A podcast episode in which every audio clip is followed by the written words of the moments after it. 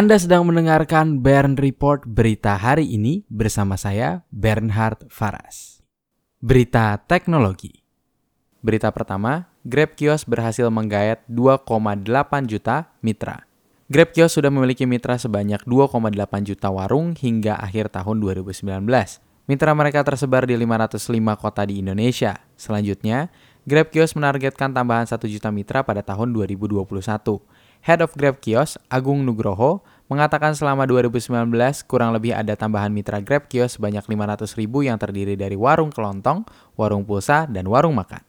Berita kedua, Google tutup kantor di Cina untuk sementara, merespons wabah virus corona. Google menutup kantornya sementara di Cina di tengah wabah virus corona. Google mengikuti kebijakan yang dilakukan oleh perusahaan Amerika Serikat lainnya seperti Facebook dan Apple. Selain itu, mereka juga telah membatasi perjalanan sementara kepada para pekerja untuk terbang ke Cina dan Hong Kong. Google juga meminta karyawan dari kota lain selain di Wuhan, Provinsi Hubei, untuk bekerja di rumah selama setidaknya dua minggu. Seperti diketahui, Google juga memiliki empat kantor di Cina Daratan dan lima di Taiwan. Kantor-kantor di Cina Daratan fokus pada penjualan dan sistem teknis untuk bisnis periklanannya.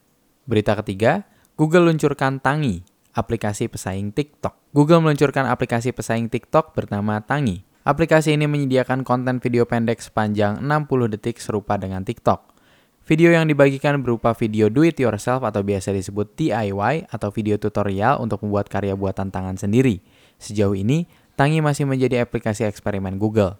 Tangi saat ini juga sudah bisa diunduh di aplikasi App Store, iPhone, dan sementara untuk pengguna Android dan desktop bisa mengakses aplikasi ini di situs tangi.co. Berita keempat, aturan IMEI basmi ponsel ilegal akan diuji coba mulai bulan Februari. Kementerian Komunikasi dan Informatika mengatakan aturan International Mobile Equipment Identity atau yang biasa disebut IMEI akan diuji coba pada bulan Februari. Aturan ini diberlakukan untuk menekan jumlah ponsel ilegal di Indonesia. Direktorat Jenderal Sumber Daya dan Perangkat Pos dan Informatika Ismail mengatakan uji coba akan dilakukan bersama operator telekomunikasi. Rencananya, aturan IMEI akan resmi diberlakukan pada bulan April mendatang. Berita kelima, beberapa perusahaan teknologi meminta Indonesia mengeluarkan RUU data pribadi. Menteri Komunikasi dan Informatika Johnny G. Plate mengatakan telah bertemu dengan para eksekutif perusahaan teknologi seperti Amazon, YouTube, hingga Qualcomm di World Economic Forum. Dalam pertemuan tersebut, Johnny mengatakan bahwa para perwakilan dan eksekutif perusahaan akan berinvestasi bila Indonesia sudah memiliki undang-undang perlindungan data pribadi.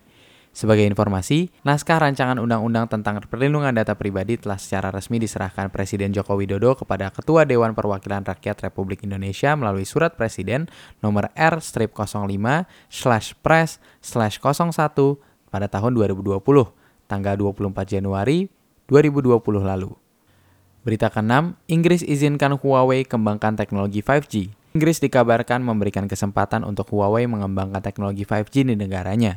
Perdana Menteri Inggris Boris Johnson memberikan peran terbatas kepada Huawei untuk menggarap teknologi 5G. Huawei hanya mendapat 35% pegelaran 5G di Inggris. Dalam artian, mereka tidak bisa menggarap proses data dan tidak bisa masuk ke lokasi tertentu seperti pangkalan militer dan situs nuklir. Keputusan pemerintah Inggris disambut berbagai macam respons. Seperti diketahui, Amerika Serikat melarang Huawei untuk berbisnis di negaranya karena diduga merupakan perpanjangan tangan Cina yang mengancam keamanan nasional Amerika Serikat. Terima kasih sudah mendengarkan Bern Report berita hari ini. Jangan lupa untuk membagikan kanal ini kepada kerabat Anda Tekan tombol like dan subscribe untuk mendapatkan kabar terkini setiap pagi dari hari Senin hingga hari Jumat pada pukul 6.30 waktu Indonesia Barat. Saya Bernhard Faras pamit undur diri. Semangat selalu dalam menjalani hari ini.